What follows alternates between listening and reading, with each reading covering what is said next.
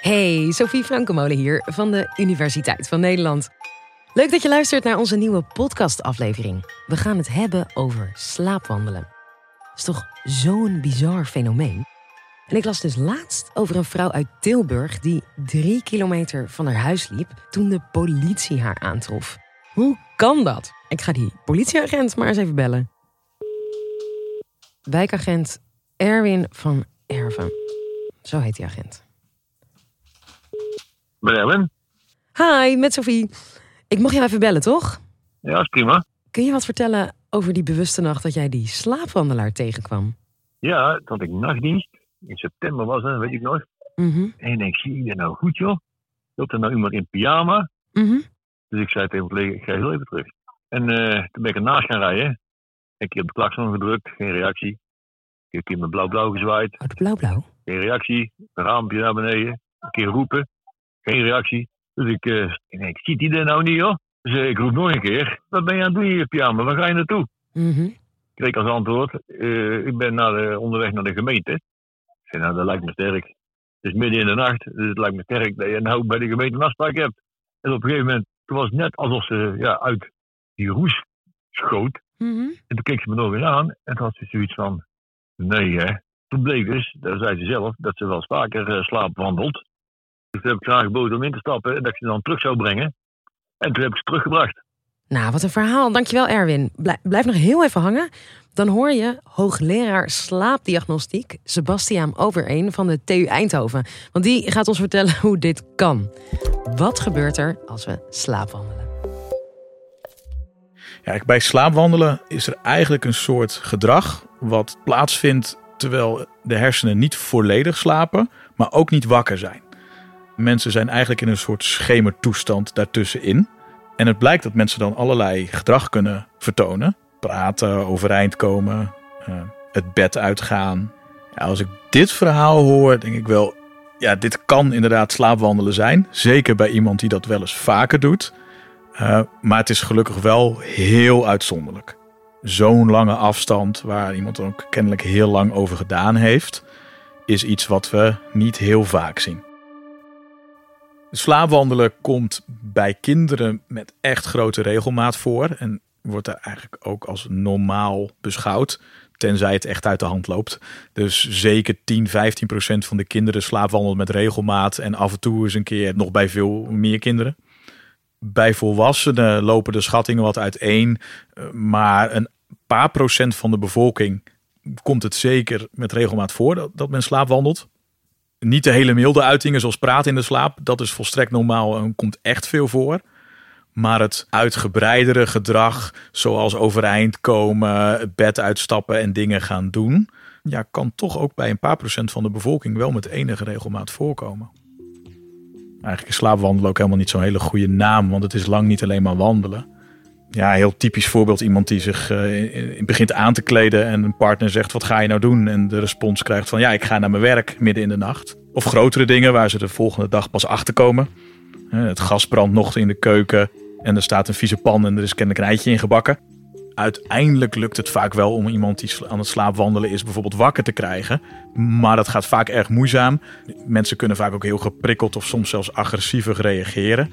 Daar komt ook uh, ja, de wijsheid vandaan dat je iemand met slaapwandelen niet wakker zou mogen maken. Het mag wel, het lukt vaak maar matig. Het helpt vaak beter om iemand gewoon rustig aan te spreken en weer terug naar bed te begeleiden, bijvoorbeeld. Iemand met slaapwandelen op dat moment is veel minder gevoelig voor prikkels van buiten. Iemand is niet volledig wakker. Dat betekent niet dat er helemaal geen prikkels binnenkomen eigenlijk de essentie van wat er gebeurt in de hersenen bij slaapwandelen, is dat het onderscheid tussen diepe slaap en wakker zijn als het ware vervaagt. Mensen komen in een soort schemertoestand terecht tussen diepe slaap en wakker in. De toestand van diepe slaap en de toestand van wakker gaat eigenlijk door elkaar heen lopen. Slaap is opgebouwd uit verschillende slaapfasen, die we onderscheiden met name op basis van de hersenactiviteit. Er is zogenaamde lichte slaap, diepe slaap en er is ook de droomslaap. Die droomslaap wordt ook wel remslaap genoemd voor rapid eye movement, omdat in die slaapfase de ogen heel snel heen en weer bewegen en mensen heel veel dromen hebben. Slaapwandelen gebeurt dus niet tijdens de droomslaap, maar komt vanuit diepe slaap. Als we dan een slaapmeting doen, dan zien we heel typisch dat mensen vanuit de diepe slaap in één keer wakker worden. Normaal iemand die niet slaapwandelt en de verschillende slaapstadia doorloopt en iemand is in diepe slaap, dan zie je dat iemand daarna naar lichte slaap of droomslaap gaat en dan eventueel wakker wordt. Zo'n directe overgang van diep naar waak is ongebruikelijk. Maar bij mensen die slaapwandelen zien we dat met grote regelmaat gebeuren.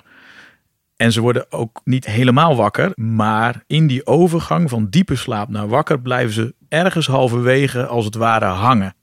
Diep in je hersenen zit als het ware een soort dirigent. En bij mensen als we slapen zorgt die dirigent ervoor dat onze hersenen door de verschillende slaapfasen heen lopen.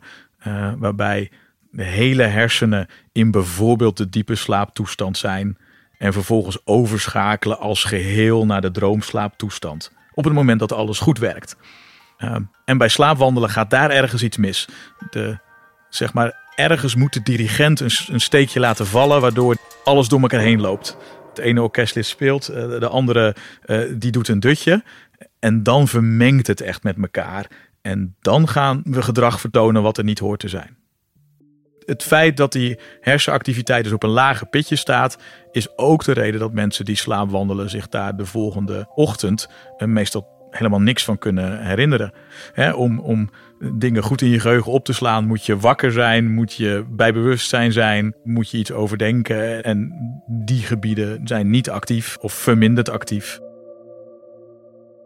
We weten eigenlijk nog maar heel weinig van wat er in de hersenen gebeurt van iemand die slaapwandelt het blijft een uitdaging om onderzoek naar de activiteit van de hersenen te doen terwijl iemand ligt te slapen. En je kunt iemand moeilijk als slaapwandelend in een MRI-scanner leggen. Uh, we moeten het van andere technieken hebben. Met name de meting van de hersen, hersenactiviteit, hè, EEG, de elektrische activiteit van de hersenen. Dat kan je wat simpeler meten doordat je draden op iemands hoofd bevestigt en daar metingen mee kunt doen. En een van de dingen die we daaruit geleerd hebben, is dat er ook in die elektrische activiteit een soort mengvorm ontstaat. Tussen de elektrische activiteit die we in diepe slaap zien, heel typisch langzame, hoge hersengolven. En elektrische activiteit van de, van de hersenen die we zien als iemand wakker is. Hele snelle activiteit. Die twee typen hersenactiviteit gaan door elkaar heen lopen. Wat valt er nou te doen aan slaapwandelen? Nou, er zijn een aantal zaken. Het eerste is de vraag hoe ernstig is het? Op kinderleeftijd komt slaapwandelen ontzettend veel voor. Daar is het eigenlijk ook een heel normaal fenomeen. De hersenen zijn nog in ontwikkeling, zijn nog aan het rijpen. De aansturing van die slaapfase is nog niet zo precies als het uiteindelijk moet zijn.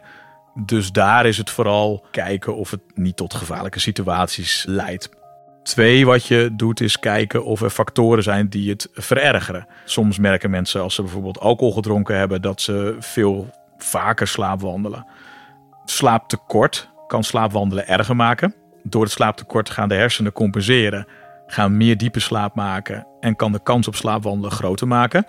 Je ziet bij iemand die aanleg heeft om te slaapwandelen dat dingen als stress het wel kan verergeren. Nou, als het echt heel storend gedrag is of als het herhaaldelijk tot gevaarlijke situaties leidt, dan zijn er nog een aantal medicijnen die het slaapwandelen kunnen onderdrukken. Dat zijn allemaal medicijnen die er niet specifiek voor ontwikkeld zijn, maar waar, we, waar de slaapexperts de ervaring van hebben dat ze kunnen helpen.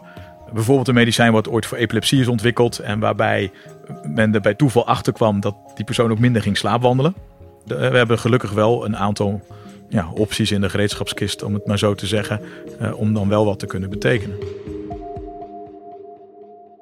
Dankjewel Sebastiaan en ook dankjewel wijkagent Erwin. En voor vanavond gun ik iedereen vast een rustig nachtje slaap. Tot de volgende!